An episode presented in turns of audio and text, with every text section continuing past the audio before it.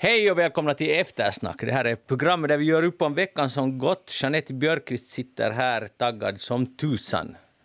Eller? Ja, det är nog just så det är. Att du var tyst i någon sek- en halv sekund. Jag trodde du tänkte att... Nej, jag försökte tänka att det där brukar du varje vecka säga taggad. Till, någonting Nej. med taggad. Nej. Nej. det är helt sant. Alltså, nu var det ju så att, att precis innan jag kom hit så började snöa helt jätte, jättelite. Yes. Ja. Mm. Jag kom med cykel och jag var lite orolig om jag skulle stritta när jag cyklade. Så det var det enda negativa. Det var ju tur att du inte gjorde det då. Vilket? Stritta? Ja. Ja, det är sant. Alltså du menar alltså då falla omkull? Ja, ja, ja det, är väl, det är väl så det heter. egentligen. Ja, det lät inte så bra det där nu. Men vad betyder stritta? Ja, om man, äh, det strittar när man spiller någonting. Ja, det heter väl skvätta. Nå, vad är stritta då? Jag tror att det är någon finlandssvenskt dåligt. Vi måste fråga Elli Flen som är sidekick idag, ko- kommunikationskonsulten. Elli Flen sitter i Nykarleby. Välkommen med. Tack, tack. Närmare bestämt Kotaholmin Mounes. Vad var det där första? Kotaholmen, Monäs. Ja, men Nykarleby är kommunen, ja. Fantastiskt. Hur långt från... Yle har en studio i, på Kotaholmen i Monäs, i Nykarleby. Det är otroligt. En, en sån här temporär studio är det väl? Ja, och här kan man nog stritta om kull. Kan man? Ja, Vitsi, jag tänker flytta dit. Alla Välkommen. Så det är ingen, man får inte någon sån här näsvist uh, tillrättavisande som jag fick här just av Jeanette. nej absolut inte. Aha. Tvärtom. Så är det svenska, stritta? Åtminstone Munsala-dialekt. Ja, ja. Det är det att jag egentligen talar jag Munsala-dialekt. Det är just det. Ja. Det bor en Munsalabo i dig. Det visste jag inte, men, och det visste inte Elli heller. Men det där... Hej, berätt... eh, Nej, först tänker jag faktiskt presentera mig själv. Jag heter Magnus Lundén och programmet alltså Eftersnack. Vi ska tala om veckan som gått. Först ska vi få en covid-19-uppdatering från Nykarleby. Varsågod, Elli Flen. Ouch. Hur är det? Ja, Ute på nå, vägarna? Det, det, det blir väl lite bättre, men Nykarleby har ju tyvärr äh, legat ganska risigt till i statistiken för Vasa sjukvårdsdistrikt här. Vi har haft den, eh, ja, vi har, vi har varit i ledningen om man säger som så, och det är kanske inte så bra när det gäller coronapositiva. Ja, men det kommer och går. En, ja, det kommer och går. Vi hade en sån här liksom lokal outbreak och det var mycket folk i karantän här ännu för en vecka sedan. Men det håller väl förhoppningsvis på att lugna ner sig bara vi nu skulle klara av att skärpa oss, hålla oss hemma, maskarna på, inte, helst inte spela ishockey och inte fara på bastukvällar. Nej, men vänta nu. Får man inte spela ishockey utomhus? Ja, det, var det var tyvärr i vårt ishockeylag där det hade liksom blivit en sån här smittspridningshärva. Okej. Så, så på det sättet. Men jo, alltså man, man får ju, men, men tyvärr så, har, så var det det som var caset här nu, ett av de där casen, att det hade spridit sig i ishockeylaget.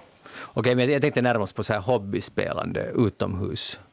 Så det Mm. tycker jag är lite tragiskt om man inte får, eller det är förstås det är mycket som är tragiskt här, men att det låter kanske lite överdrivet om man inte får spela. Men vi får Men se du vad de säger. det är inte något hobbyspel, alltså, det här är, det, det är allvar. Ja, ja, så Och är det. Komarov Arena. Heter det så? Ja, efter Leo Ja, Komarov jag, det förstår förstås. jag. Det är ju fantastiskt. Bor han ännu i Nykarleby? Eller Eh, igen? nå, praktiskt taget så är han väl någonstans ute i världen och spelar hockey, men, men eh, frågar du oss så är han ju självfallet Nykarlebybo. Alltid och för evigt. Exakt. Eh, bra. Hej, det var ju självständighetsfest, Jeanette Björkqvist. Ja. Följde du med sändningen? Hörde, jag följde med både lite sådär att jag, att jag surfade där mellan Yle och MTV3 som också första gången hade en egen sändning eftersom inte fanns den här handskakningsceremonin Ja. som Yle liksom äger. Så hade MTV3 också en, en där sändning. Va, vad gjorde de där då? Men där gjorde de allt möjligt. Det var ganska, sådär, det var ganska trevligt tyckte jag. De satt ju nu förstås där då i studion. De var inte där på slottet, bara lite där och intervjuade Mm. Niinistö. Men sen hade de alltså bland annat kallat in, eller de hade inte kallat in, alltså de hade ett, ett inlägg av Kimi Räikkönen som jag på något sätt trodde att skulle ha blivit lite skandalrubriker sen efteråt, men så, så skedde inte. Och vad, vad gjorde han som var så Därför för att skandalöst? han blev frågad, alltså tillfrågad om det här med, med Finland och liksom vad Finland betyder för honom. Okej. Och det, där, och det betydde nog absolut ingenting. Han var alltså helt otroligt så här arrogant. Han var så här, nej, men inte, nej. Men, men alltså han kan ju säga, han får ju säga vad han vill. Han får säga vad han vill, men jag tänkte att så där, om man nu skulle velat vara liksom lite så där högtidlig så kanske man skulle ha inte liksom tagit in det inlägget då. Just för att det var faktiskt alltså Mm. Men tänk om det skulle vara någon samisk eller finlandssvensk eller invandrare som skulle vara lika arrogant. Nja, inte betyder det så mycket. Alltså, Då skulle det, det bli betyder inte, alltså, det betyder ingenting. Nej, förlåt, det betyder, betyder ingenting. Då skulle det, nog vara, det skulle inte vara bra. Nej. Men eh, världen är inte jämlik. Det där. Men en, jag, jag, liksom, jag tittade en stund på det här Yles och sen jag kroknade helt enkelt. Jag, jag tyckte att det blev... Jag, vet, jag hittade inte riktigt ett ord, men jag hann se gurkorna från Närpes, där programledaren Nicke Aldén besökte växthuset och plockade gurkor tillsammans med Johanna och Jan Smith. Det här är säkert en stor grej. Eh, jag vet att, jag vet att Närpes är 150 kilometer från Nykarleby, men känner du ändå, ändå liksom de här svallvågorna där uppe i Nykarleby? Självfallet. Nej, det var bra och jag måste ju pinsamt erkänna att jag måste ju ha varit och, och hämtat mera glögg eller någonting just den sekunden när det har varit gurkorna, för jag tittar på hela sändningen men gurkorna har jag lyckats missa. Oj. Det var ju fruktansvärt. Men, men, eh, men bra för Närpesgurkorna och Närpesgrönsakerna att de fick vara med. Mm. Jag måste ju säga att jag tyckte att det var ganska trevligt. Vilken? Jag hör nu till dem, att, att den här sändningen, den här Yles sändning. Tyckte du? Ah, ja. Ja, den var liksom äh, exemplariskt tvåspråkig, Ja, vilket fulla poäng för det. var verkligen lilla fint. Och sen kändes den ju på något sätt närmare och, och lite sådär varmans... Den, den var mera inkluderande än att titta på finfolket som är på finfesten. Och, och, och jag tycker inte att det är något illa med det. Jag tycker om att titta på finfolket på finfesten och jag, jag njuter av den där sändningen annars också. Men nu blev det ju liksom... Nej, jag, jag tyckte det var helt trevligt faktiskt. Nå, notera någon den här, alltså det var någon, någon den där bild när, när Sauli och Jenny Niin just stod där i rutan. Och bakom dem fanns alltså den sunkigaste gran skrälle ever. Alltså det såg riktigt dåligt ut. Det var någon sån här tunn liksom. Jag vet inte riktigt vad de hade tänkt. Att var det någon sån här installation som inte jag förstod mig på. Men det såg inte ut som någon sån här frisk, fin finsk gran. Det, var, det var ju en miss. Och det var ju en miss. Nej, men alltså, den ver, ver, verkar ha varit lite sådär konstnärlig, för, för har ni inte läst inredningstidningar och speciellt julinredningstidningar Nej, det har vi ju inte. så är nu Nej. inne. Jag har också lite sneda och vinda granar som jag har tagit in sådana där små i glasburkar. Och de ska vara lite sådär tilltufsade och inte vara jämna och tjocka nu. Va, alltså, vad Så är det det var här? helt i tiden. Stopp nu, stopp, stopp, stopp. Alltså, det, ska vara, vem har sagt åt dig att det ska vara? Hur gick du på en sån här bluff? Eh, Okej, nå, jag ska omformulera Ja, mig. det please do. verkar vara trendigt. Ja, okej. Mm. Och tänk att någon sitter på eh, vad ska, vi, vad ska vi hitta på det här året att sätta i våra tidningar? Hej, om vi hittar på att, att de där rutigaste granarna, det är då egentligen någon trendiga. Nej, vi gör det! Och, och sen det slutar med att i Nykarleby så plockar Elli Flen in en sån från, från gården eller från skogen. Varifrån du plockat in den? Nå, jag, jag, jag tar ju alltid mina julgranar i skogsvårdsligt syfte. Det betyder att jag tar dem där de växer lite för trångt så att de aldrig kommer att kunna bli något prima virke. Eh, så då är de ju oftast lite skamfilade för de växer lite för trångt. Ja, men på ett sätt förstår jag den här trenden, nu, nu, nu när jag tänker efter. Det skulle betyda att just det, det måste inte vara så här genetiskt perfekta. Ja, ja, egentligen är det ganska trevligt. Men jag kan säga att Snabbt vände jag kappan där. Men det där, vi är inte riktigt, alltså, vi diskuterar lite andra dimensioner än, än genetiskt perfekta. Alltså, det, var, det var faktiskt, alltså, det där. Ni måste gå tillbaka till den här, den finns ju säkert på arenan, den här sändningen och lite Ja, men jag såg ju fram. den. Jag tyckte de var fina, alla de där blomsterarrangemangen i den där sändningen. Jag tyckte det var bra. Hej, eh, vi, vi, vi släpper det här med en sista fråga. Jeanette. Hur mycket brukar du betala för din julgran? Det börjar bli såna tider. Eller har du en julgran? Noll euro. Jag går och hämtar den där i... Från Centralparken? Ja, precis. Om ni undrar vart de alla träden har försvunnit. Ja. Töleviken, finns där månne någon gran? Från Baresundsskogen, alltså den egna skogen, inte någon annans skog. Ja, samma och jag. Inte från samma skog. Men gör det. Centralparken. Ja, inte från Centralparken. Men jag, ofta faktiskt när jag går där så tänker jag ofta hur lätt det skulle vara. Och, och sen tänker jag vilken löjlig tanke det är. För det Ja, är klart det är lätt. Men jag menar, jag, egentligen tänker jag så här att tänk att det inte, vad jag vet, sker så hemskt ofta. För det skulle bara vara att gå dit med en knipsa eller en liten såg. Nu ska du inte höra uppvigla till något sånt här. Det, det är jättesvårt och det finns säkert övervakning där. Så man ska inte gå dit och börja plocka granar åt sig. Och jag, jag tänker nu övervaka Centralparken efter att jag har sagt det här. Jag måste ta konsekvenserna av mina ord. För att Centralparken i Helsingfors är helig och den rör ingen. Så det där, inte julgran därifrån. Mm, Nu går vi vidare till Pekka Haavisto. Ja, nu har det ju alltså blivit, då blivit klart att det blir inget riksrättsåtal mot uh, Pekka Haavisto, utrikesminister. Men han har ändå begått någon form av tjänstebrott. Han har agerat i strid med förvaltnings och utrikesförvaltningslagen. Men grundlagsutskottet ansåg att det inte finns fog för åtal just i, riks, eller i riks, riksrätten. Så uh, här har hänt mycket och det här är ganska bisarr, uh, eh, hela, hela processen. Det har väl tagit typ ett år. Och gröna, de gröna har också bidragit till yrseln här genom att skicka ut någon mejl i förväg och läckt lite. Samtidigt har, tycker jag, grundlagsutskottet gjort lite bort sig, och det är ovanligt för att vi har ju ett jättefint, av tradition, fint grundlagsutskott som står över ovan politiken.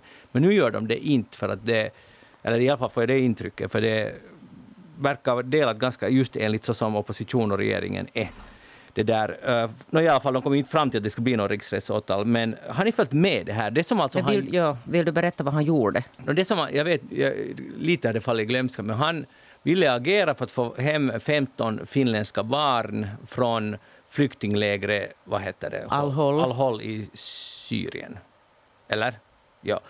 Och det, där, och det var inte så populärt bland alla och det var en tjänsteman som på något, på något sätt skulle utföra det här och hjälpa till. Det, det tyckte Haavisto inte om att placera om honom på andra uppgifter.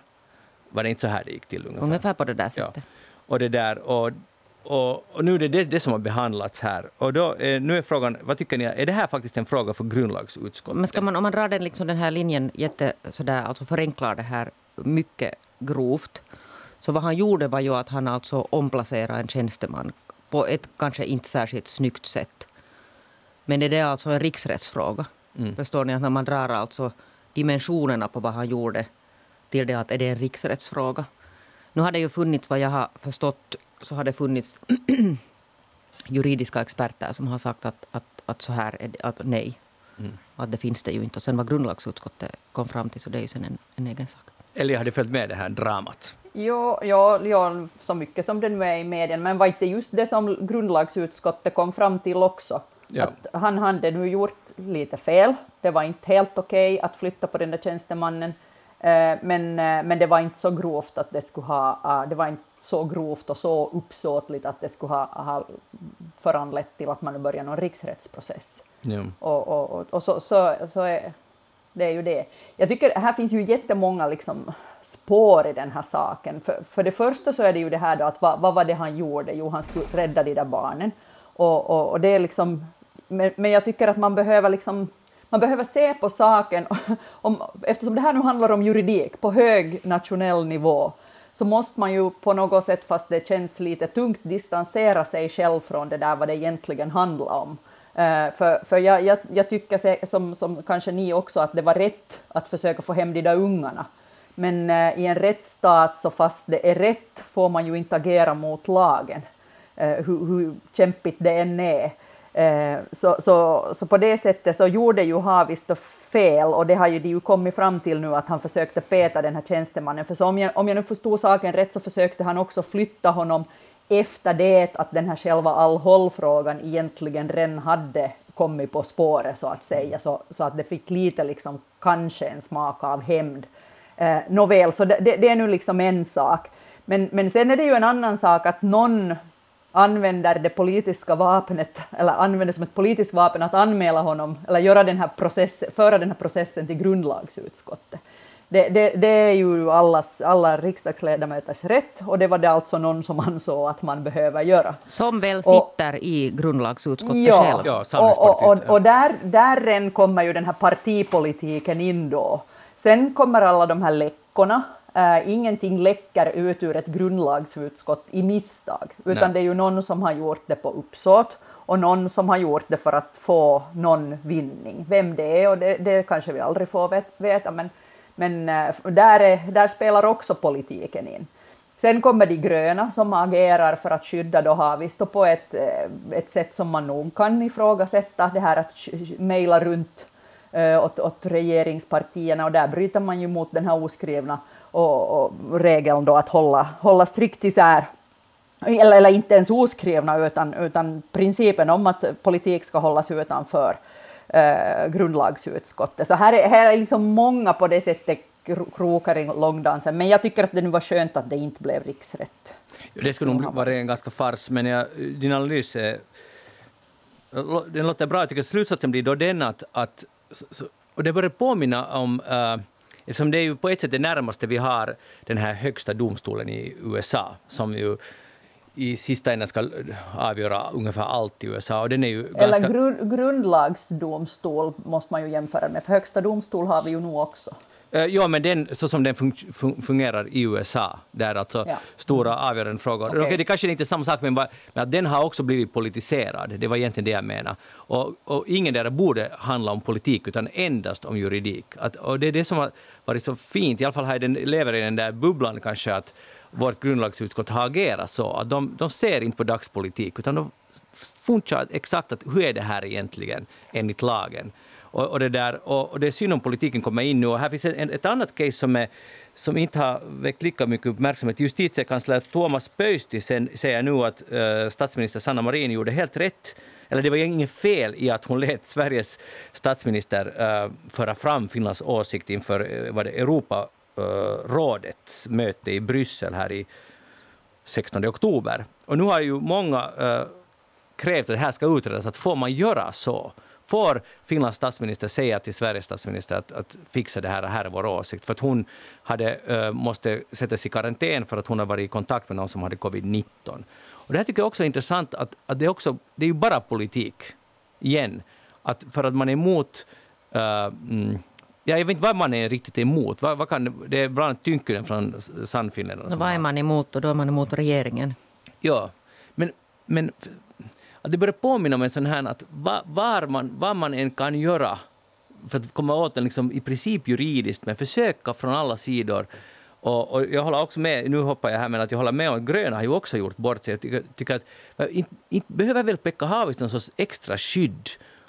Nu kan han klar, helt bra förklara sitt agerande med någon sorts moral eller vad, vad han... Det är ju, jag tror att hans väljare tycker att han gjorde helt rätt i att försöka få hem de här barnen. Det lyckades nu inte, men i alla fall.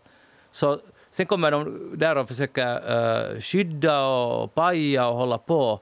Jag tycker att alla, alla beter sig lite dåligt här nu. Inklusive Pekka Haavisto själv faktiskt, för han mm. var ju snabb att sen på so några sociala medier gå ut med någon sån här bild som han hade gjort, där han hade skrivit att, att, uh, att ingenting olagligt eller ingenting, ing, ingenting gick fel i det här och huvudsaken var att hjälpa de här barnen. Och, och, och, det var ju fel, för, för grundlagsutskottet konstaterar ju att jo, det blev fel, han hade gjort fel, men inte så allvarligt fel mm. att det skulle leda till riksrätt. Så, så där försökte ju han själv liksom vitmåla sitt agerande. Oj, oj. Men, men så här är det ju också på kommunal nivå. Det finns de här människorna som med all makt ska göra, lämna in besvär och, och, och, och klaga på allt möjligt och, när jag var fullmäktigeordförande i, i, i Nykarleby så blev jag anmäld till regionförvaltningsverket och, och, och sådana här när man mm. bara... Och, och, det var ju i och för sig folk som jobbade för någon sak som de trodde på. Det, det var nu ett sånt där vindkraftsbråk och, och, och, och så, men att, att man, man gick till väldigt så mycket som möjligt såna juridiska metoder också för att driva en sak. Ja, och sen, det har man ju rätt till. Och, och, men, men jag tycker också man har rätt att, att ifrågasätta och kritisera och, och framförallt diskutera. Men jag menar, den här rätten finns i Finland det måste finnas. Nu har ju alla de här eh, som sitter i riksdagen rätt att ifrågasätta varför gjorde uh, Sanna Marin Sila så och försöka få justitiekanslern att utreda det. Men då måste man också ta, tala där det blir en kritisk diskussion. Och sen blir det lite patetiskt när man ser så tydligt syfte med de här många sådana här besvär. Hey, men vi går vidare lite mer juridik, för att den här Skogby-olyckan som uh, nu har varit uppe i, uh, ja, inte i tingsrätten utan i hovrätten, där de förkastades, uh, de här åtalen. Nu, även där. Även där. Och det där, Eli, du satt ju med i den här kommissionen som utredde olyckan i tiderna, eller hur? Ja. Nå, vad tycker du om det här beslutet nu att hovrätten friar, eller i alla fall, ja, de friar? No, no, ja, den här utredningen är ju färdig för länge sedan, så nu kan jag uttala mig som privatperson, och som privatperson så tycker jag att det är himla skönt mm. för den här unga mannens del. Och, och, och jag, jag, tycker nog att det var, det var grymt att han på något sätt ställdes ensam till svars här.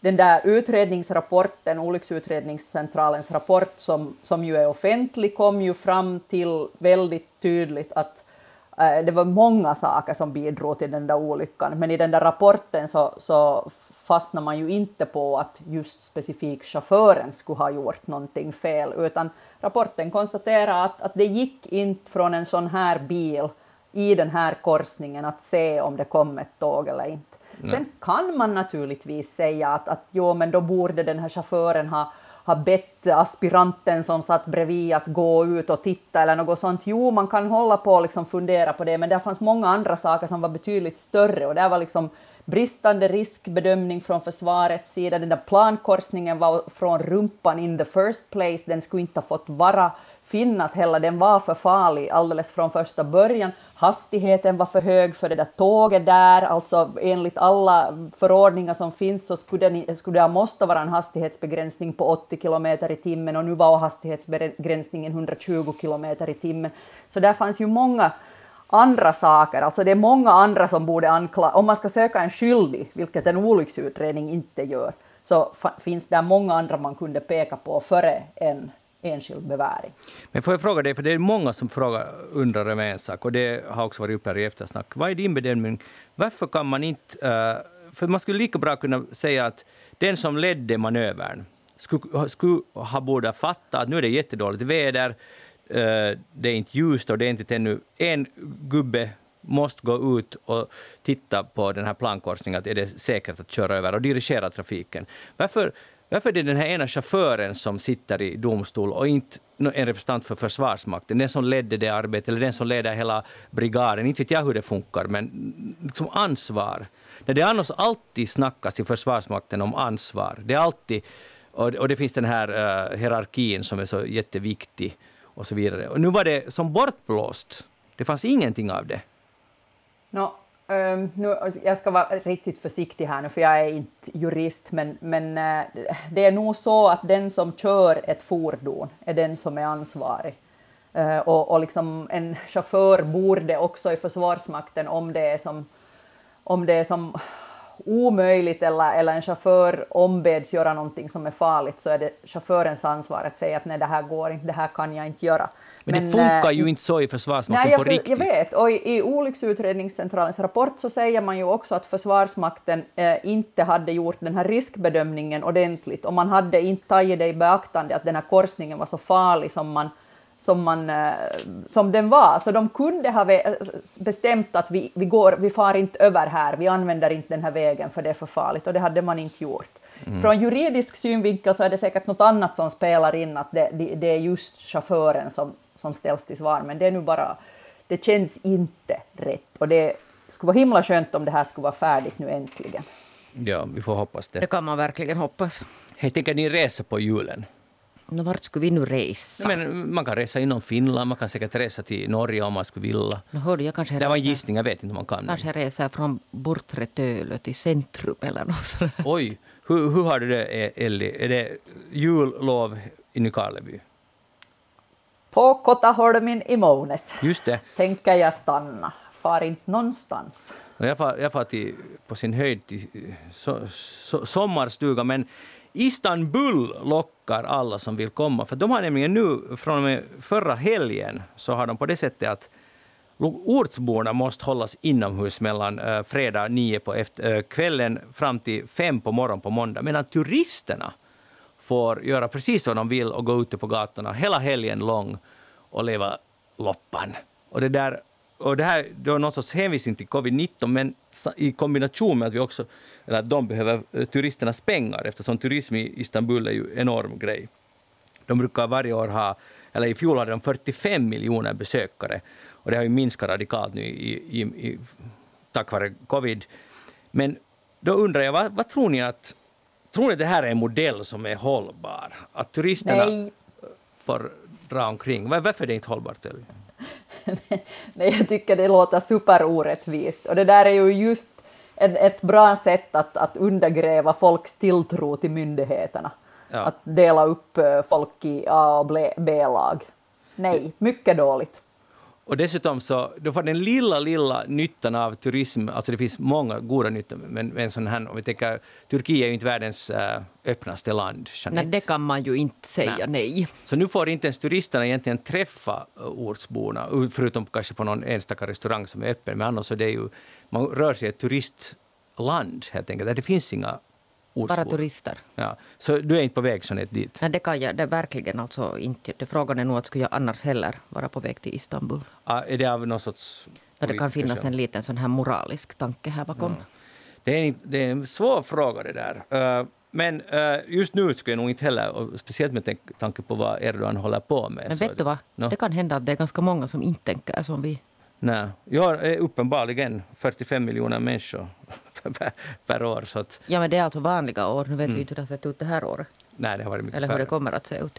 Hej, men vad har du tänkt på den här veckan? Jeanette jag råkade där när jag läste Dagens Nyheter så ramlade jag över en kolumn som handlar om en färsk undersökning som har gjorts. Och nu vill jag nu medge genast att jag inte har läst den här undersökningen. Men det är en sån här, sån här där studie i Sverige som av någon underlig orsak nu har då handlar om amerikaner om hur de ser, alltså hur män och kvinnor upplever maktförhållanden. Och då visar den här undersökningen, alltså när man talar om, eh, den här undersökningen visar att män upplever att de har eh, mera makt i, i det här offentlig, offentliga livet, alltså inom arbetslivet och så här. Medan de sen upplever att de har jättelite makt i privatlivet.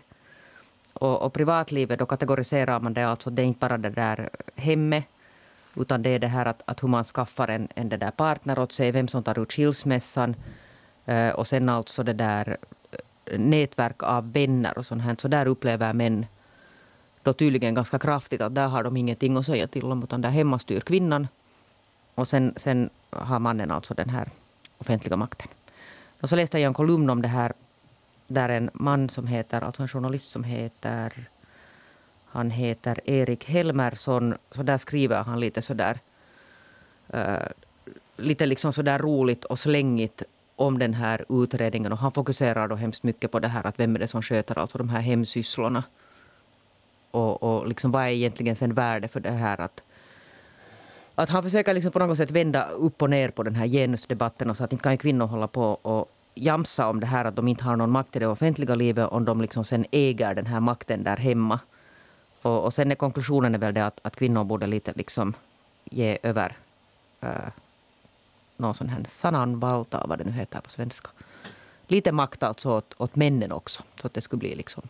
Jo, det, vad, in, vad inbegriper det här begreppet makt i det här, i det här sammanhanget? Alltså makt? makt. Det, det tror jag de har inte definierat det och sen är det ju inte alltså någon sån här faktisk, alltså det där vet du, de har ju inte gått in liksom i hem och utrett att vad handlar det här om, utan det är mer sådär att hur man upplever och männen upplever att de inte har någon hemskt mycket att säga till om det hemma. Men alltså om, om det är så, om, om det här är fakta, så då är det ju lite synd om männen. Alltså, jag är helt allvarlig. Det säger han också. Ja, för att om man upplever att man inte har någonting att säga till om, ingen lyssnar på en och man måste finna sig äh, dekret. Som du kommer. har inte alltså sån här vet du, beslutsrätt heller att, ja. att det där säga till om någonting. Men då, då är det synd och det är frågan om hur har det blivit så? Ja. Och, och då, då, vi har två kvinnor och en man på plats här. Hur har det blivit så, Jeanette? Inte vet jag, men han försöker ju det här på något sätt lasta lite över det här ansvaret åt kvinnor. Att, att det är ju den här tanken om att kvinnor liksom tar sig rätten att bestämma allting. Och då talar vi liksom, då kan vi komma till några här konkreta saker som att vart reser vi på semester och,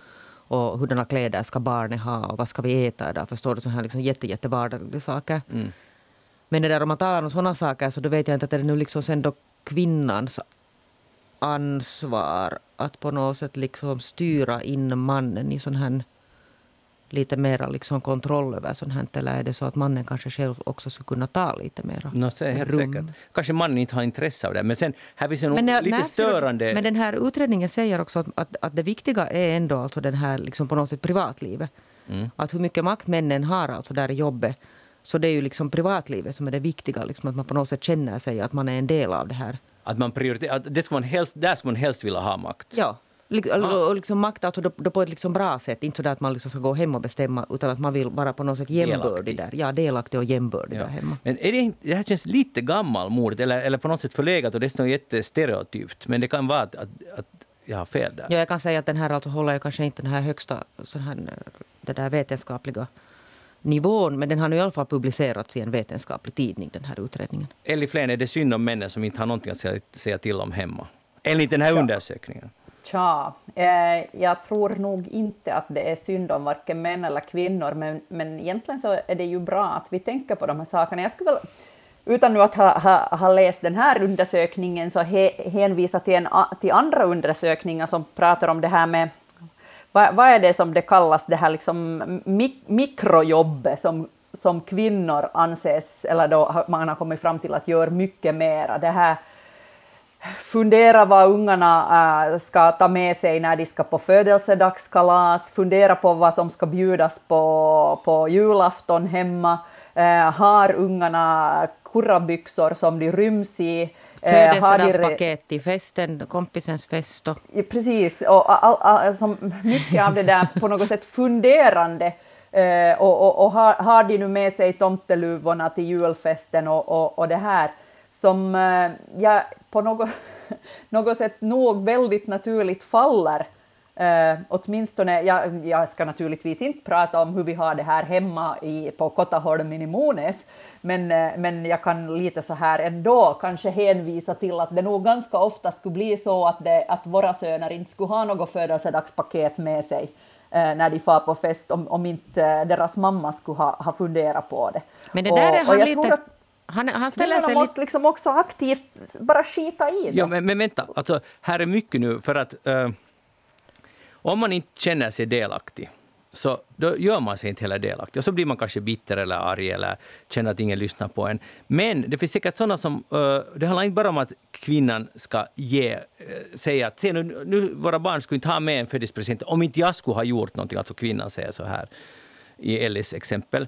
Men uh, män, måste, män måste ju å ena sidan ta den där makten, men om de inte har intresse av det här så Förstår ni? Då, då, då, då blir det ju så att någon måste sköta det. Och i, det, det alltså... Ellie, i, I så fall är det Ellie som sköter det. Men då tycker jag inte heller att män kan gå omkring och tycka att de inte blir uh, sedda och hörda om de inte har intresse av den födelsedagspresenten. Men om de har så måste också kvinnan släppa det. Det här lär alltså ja. på något sätt alltså hänga ihop med hur, lång, hur länge man är pappaledig. Alltså sådana pappor som har varit ordentligt hemma, långa sjok, alltså på riktigt mm. att skött det här hemmet, lär sen vara alltså bättre på att det liksom på något sätt att man jobbar in sig i den här alltså ansvarspositionen. Mm. Det kan ju lätt bli så att, säkert för många män så att, vet, att, jag, att jag fatt, det här är så svåra saker, att, att det är nog bäst att hm, hm, hm, sköter det. Just för att man kanske inte gjort det och, och, man blir osäker och så vidare. Alltså det, är ju, här finns så, det finns så otroligt många dimensioner på det här. Men det säger jag att om män tycker att de inte har, så att säga, inte jämbördiga hemma, så måste det, måste, det finns två personer som kan göra något åt det här. Det är mannen som måste säga att det här är inte riktigt reg, schysst nu. Och sen måste kvinnan kunna släppa det.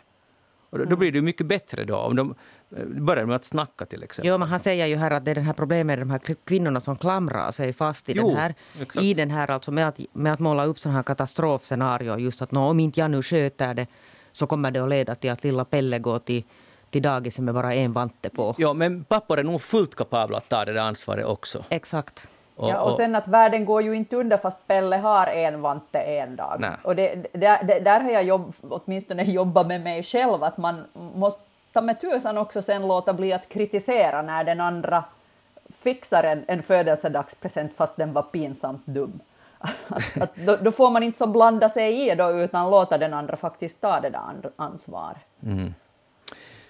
Ja, det här, alltså, det här, jag tror att man här skulle kunna tala ganska länge om. Ja, vi kan fortsätta diskussionen sen där på det vår var eftersnacks äh, familjeterapihörna. Ja. Mm. Hey, jag, en, jag måste ha en, en, det låter som en sportfråga, men det är inte en sportfråga. Det ställer en fråga till er båda. Det var så att äh, ett fotbollslag som heter Shakhtar Donetsk, som är från östra Ukraina, men numera har de hemmaplan, eller just nu i Kiev, så de var i äh, sista matchen i gruppspelet Champions League på onsdag. Okej, ställningen är 0-0 och det är bara några minuter kvar. Gör de ett mål så kommer de till äh, åttondelsfinalen i Champions League. Hänger ni med? Mm. Och det är en väldigt stor sak att komma mm. dit, för vilka lag som helst. Släpper de in ett mål så är de ute ur allting.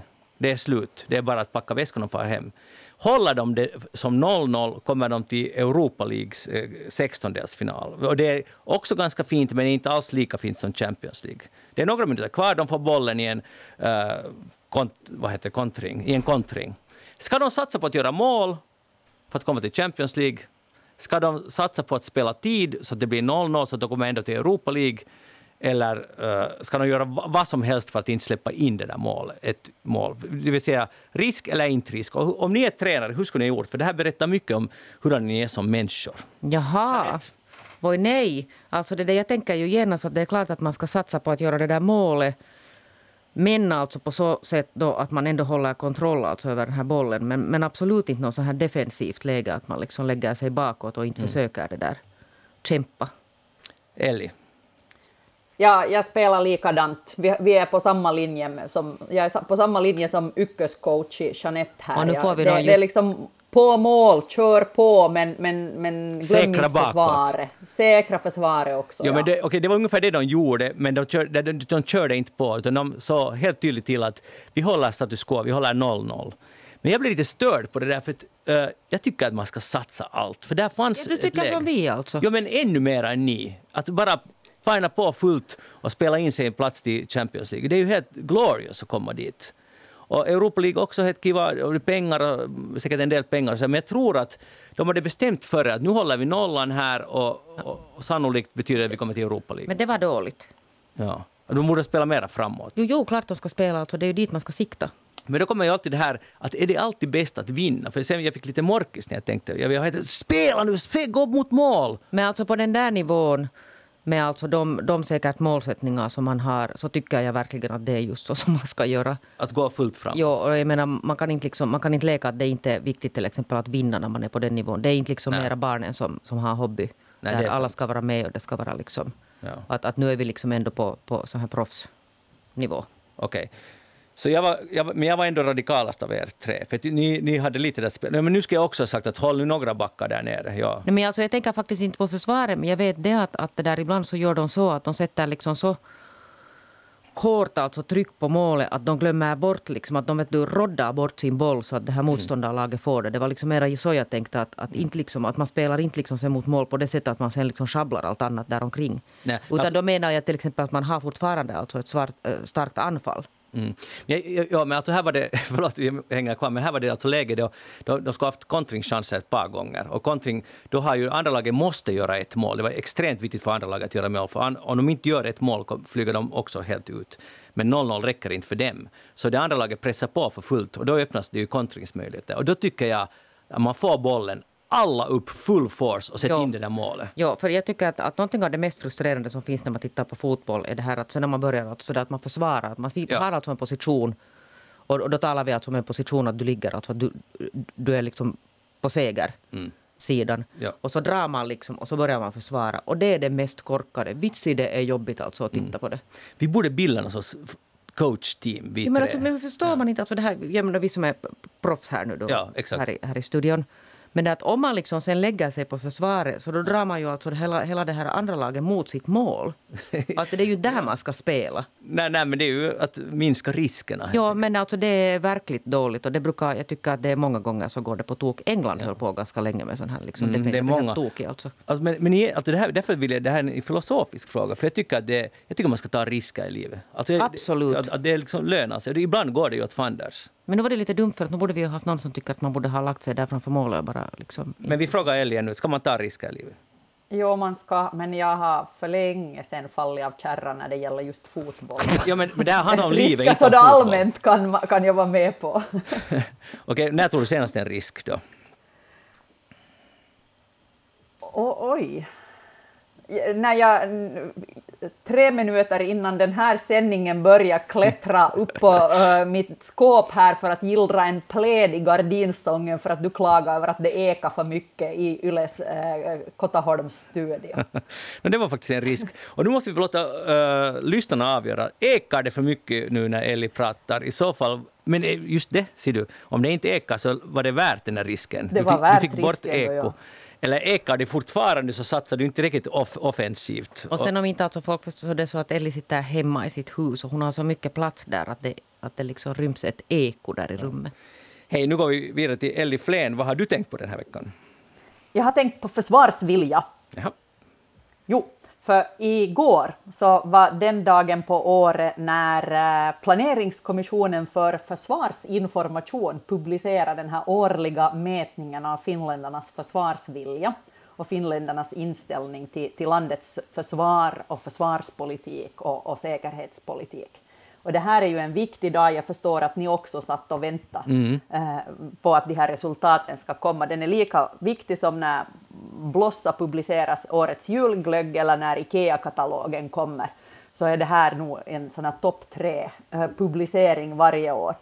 Och, och, det som gläder mitt hjärta, och det här är nu ett, en statement, vi behöver inte diskutera det här ens, utan så här är det nu bara, att eh, stadigt ökar andelen finländare som anser att värnplikt borde gälla både kvinnor och män. Stadigt är... ökar, men kan du gå lite mer specifikt in på det här? Ja, eh, för jag måste väl säga att över hälften av finländarna, alltså största delen, anser fortfarande att, att eh, nuläget är bra med värnplikt endast ja. för män. Men det sjunker, de som anser det. Och nu eh, 23 procent av finländarna anser att värnplikten kunde gälla både kvinnor och män. Och det här är, tycker jag, intressant. Men finns och det inte någon sån här frågeställning om att det där att borde man lägga om hela den här armén?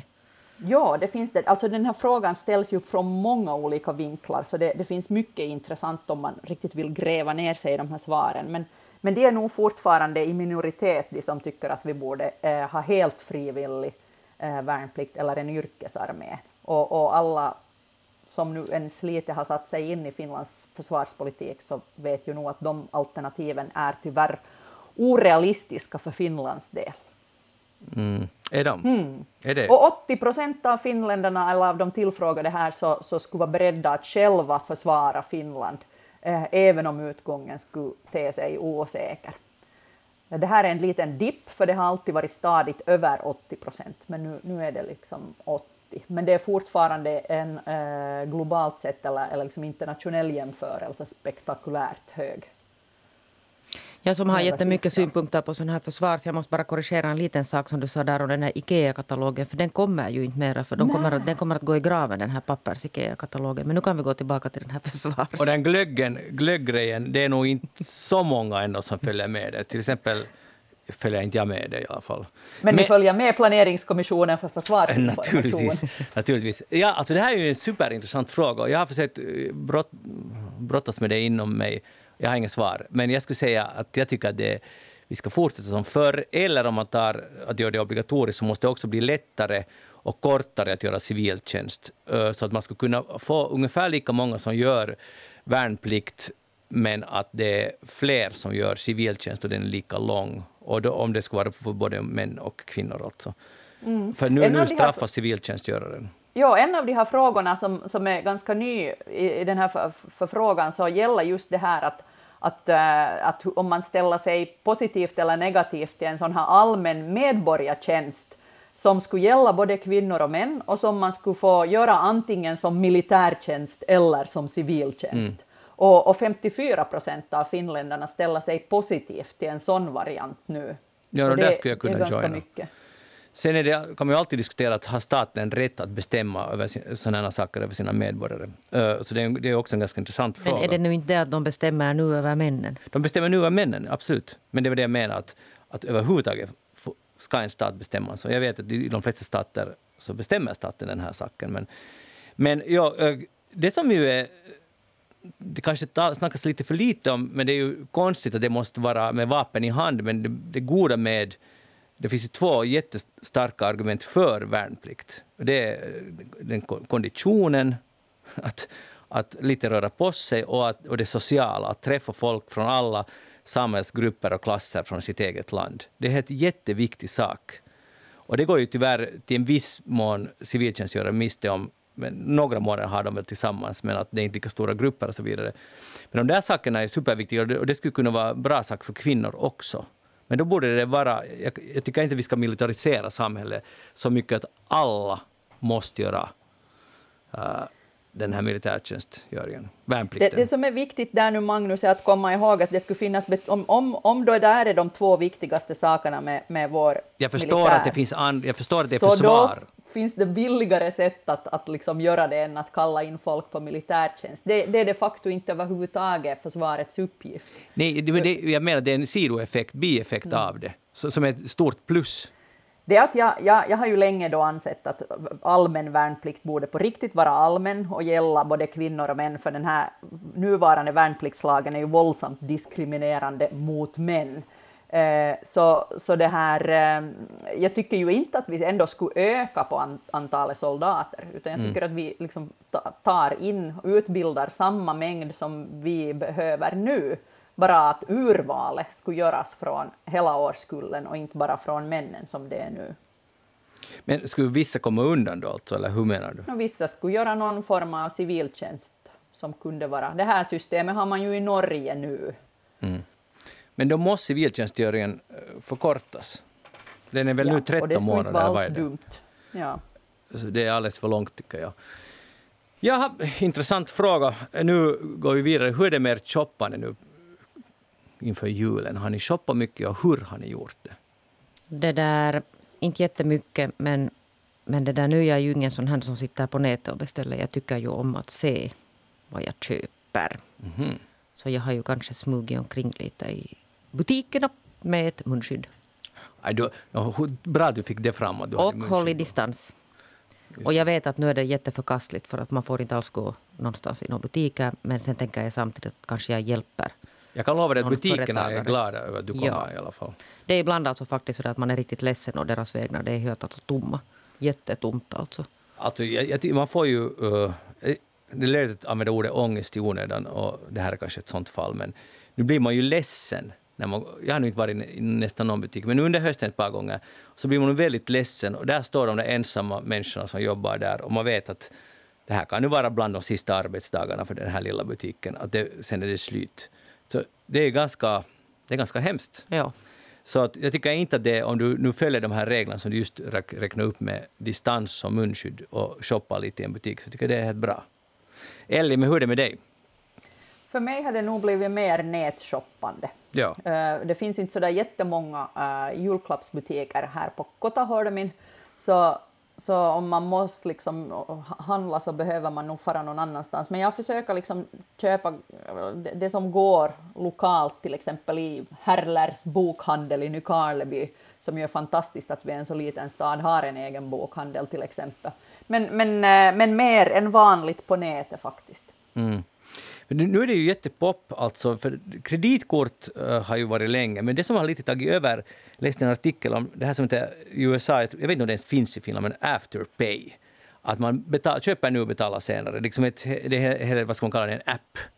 Som Klarna är i Sverige och har blivit världs global aktör köpa nu, betala senare. Och, och det här är nej, otrolig business. Nej, nej. Är det stopp där? Nej, nej, nej. Min morfar sa, och det har jag levt med, man ska inte köpa om inte man har pengarna.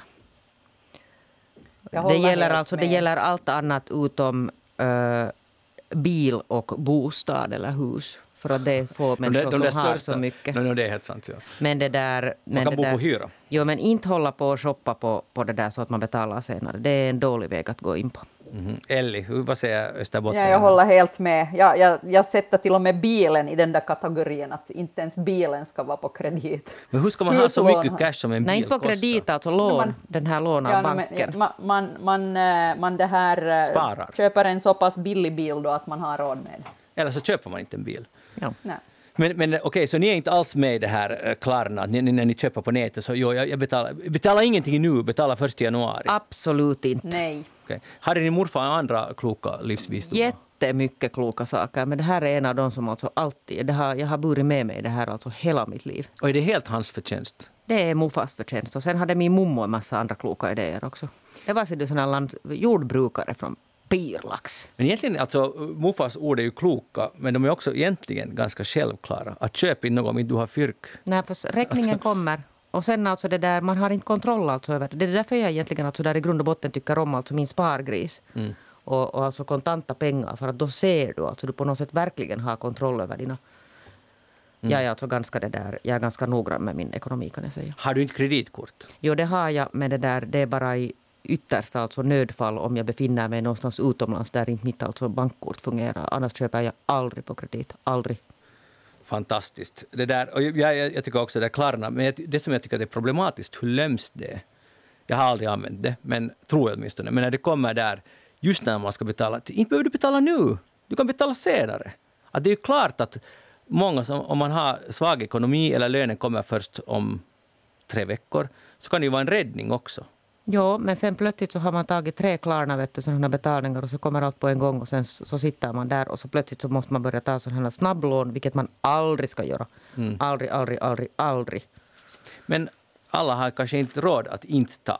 Det är väl det. Nej, men vet du, de där snabblånen är nog något av det dyraste som finns. Ja. För att det hamnar man alltså, då är du snabbt inne i ett träsk. Ja, och sen tar man ett nytt lån för att betala det föregående. Ja. Och, och där är det sen. Hey, eh, Elli Flen, nu det, här, det här är veckans viktigaste fråga. Vi har fått på Facebook, Eftersnacks Facebook-sida, ni får gärna gå in dit, eftersnack, nej, facebook.com eftersnack. Vi frågar vad har ni tänkt på den här veckan av lyssnarna och här är en som skriver frågan kommer som på beställning. Jag har faktiskt tänkt på att man kan skaffa sig att, på att kan man skaffa sig och hänga upp en Nykarleby-stjärna i ett fönster i Åbo utan att ha koppling till Nykarleby, knappt ens till Österbotten. Frågetecken. Eller är det helgerån, liksom? Nykarlebystjärnan är så vacker och det här funderar jag faktiskt på senast igår. Och nu när ni har expertisen i studion, punkt, punkt, punkt, det är alltså du Elli Flen, jag måste inflika här att frågan är ställd till dig och nu vill jag också fråga, vad är Nykarlebystjärnan? För jag har ingen aning om vad det är. Nykarlebystjärnan är en sån där sjuuddad gul, röd, grön, blå julstjärna. Mm -hmm. Som, äh, ja, man, historien om den så sträcker sig så långt som till 1700-talet. När sjöfararna var på väg hem till jul så hängde man upp såna här eh, Nykarlebystjärnor, eller så, så, som de såg kanske lite olika ut då, lanternor för att på något sätt hälsa sjöfararna välkomna hem. Aha. En som gjorde den riktigt känd, den här Nykarlebystjärnan, var Zacharias Topelius. Eh, på hans hemgård Kuddnäs så, så tände man alltid på julafton den här eh, Nykarlebystjärnan och det var den första och sen när den tändes på Kuddnäs så då tändes den i hela stan. Och Nykabi började med de här stjärnorna långt innan, alltså årtionden innan andra städer och andra människor började hänga upp adventsstjärnor. Och det var så mycket stjärnor i Nykabi så vi kallades till och med för Nordens Betlehem. Så det här är en, jag kan sätta upp en bild på en Nykarleby-stjärna på vår på, på Eftersnacks Facebook. För det, och, och, nu finns den alltså överallt för Nykarlebördiga. I Sverige tänds det hur många som helst, för alla som har haft rötter i Nykabi har ju tagit Nykabi-stjärnan med sig vart de än har farit. Och bara för att svara på den här lyssnarfrågan så är mm. det naturligtvis helt okej okay för vem som helst att hänga upp en Nykarlebystjärna. Ja, så man måste inte ha rötter i Nykarleby, enligt dig? Nej, ni är alla hjärtligt välkomna. Men jag vill ha en sån här... Jag vill, alltså, kan man köpa de här någonstans? Jo, jag ska fixa en länk åt dig där du hittar dem. De finns i alla de varianter. För det, skulle, det här skulle vara perfekt julafton i mitt, vårt hem, ursäkta. För då har vi, en gång fick vi från Veselandet här i Borgå skärgård en ljusstake som jag tänder varje jul och tänker på våra kära lyssnare. Om jag nu skulle dessutom köpa en sån här så då skulle man ha Svenskfinland ganska bra eller i alla fall två regioner representerade i sitt hem. Ja, den är ju lite större, Svenskfinland är lite större än så. Men... En Borgå Nykarleby. Ja, men du får ta det sådär, sådär step by step, baby steps. Men det här var ju helt otroligt. Jag, jag älskar att lära mig nya saker. Det här var, alltså jag visste ingenting om det här. Visste du, Jeanette? Nej, jag kan nog, nu måste jag erkänna att nej. Ja, alltså jag känner till de här Jakobstads, alltså bördiga har ju sin den här trohopp, kärlek, alltså ljusen. Ja, men nu är det här liksom mycket viktigare. Ja, jag förstår okay. det, men jag säger det ändå. Och den har ju, det, det är ju en ganska intensiv debatt där i vår Facebook-tråd där också Jeppis bördiga säger att de får man också ha, vem som helst och Jag vill ha en sån också. Visst, jag, det Nej, det vill du inte alls, Magnus. Du vill jag vill! Jag, jag tar inte ställning till era små gnabb, utan allt är fint. Hej, en, en viktig sak. Brukar du Jeanette bli kritiserad för att du låter så upprörd eller du låter så irriterad? Eller är det något som är fel, Jeanette, när du är så där? Ja. Brukar du? Ja, men inte alltså för att jag låter, utan mer så att jag är lite sådär mököttär, som man säger på finska. Vad betyder det? Det betyder att man inte liksom pratar så mycket alls. Aj, du är liksom tyst. Ja, jag blir så här tyst. Jag är sån här jättejobbig typ. Jag skriker aldrig, jag blir bara tyst.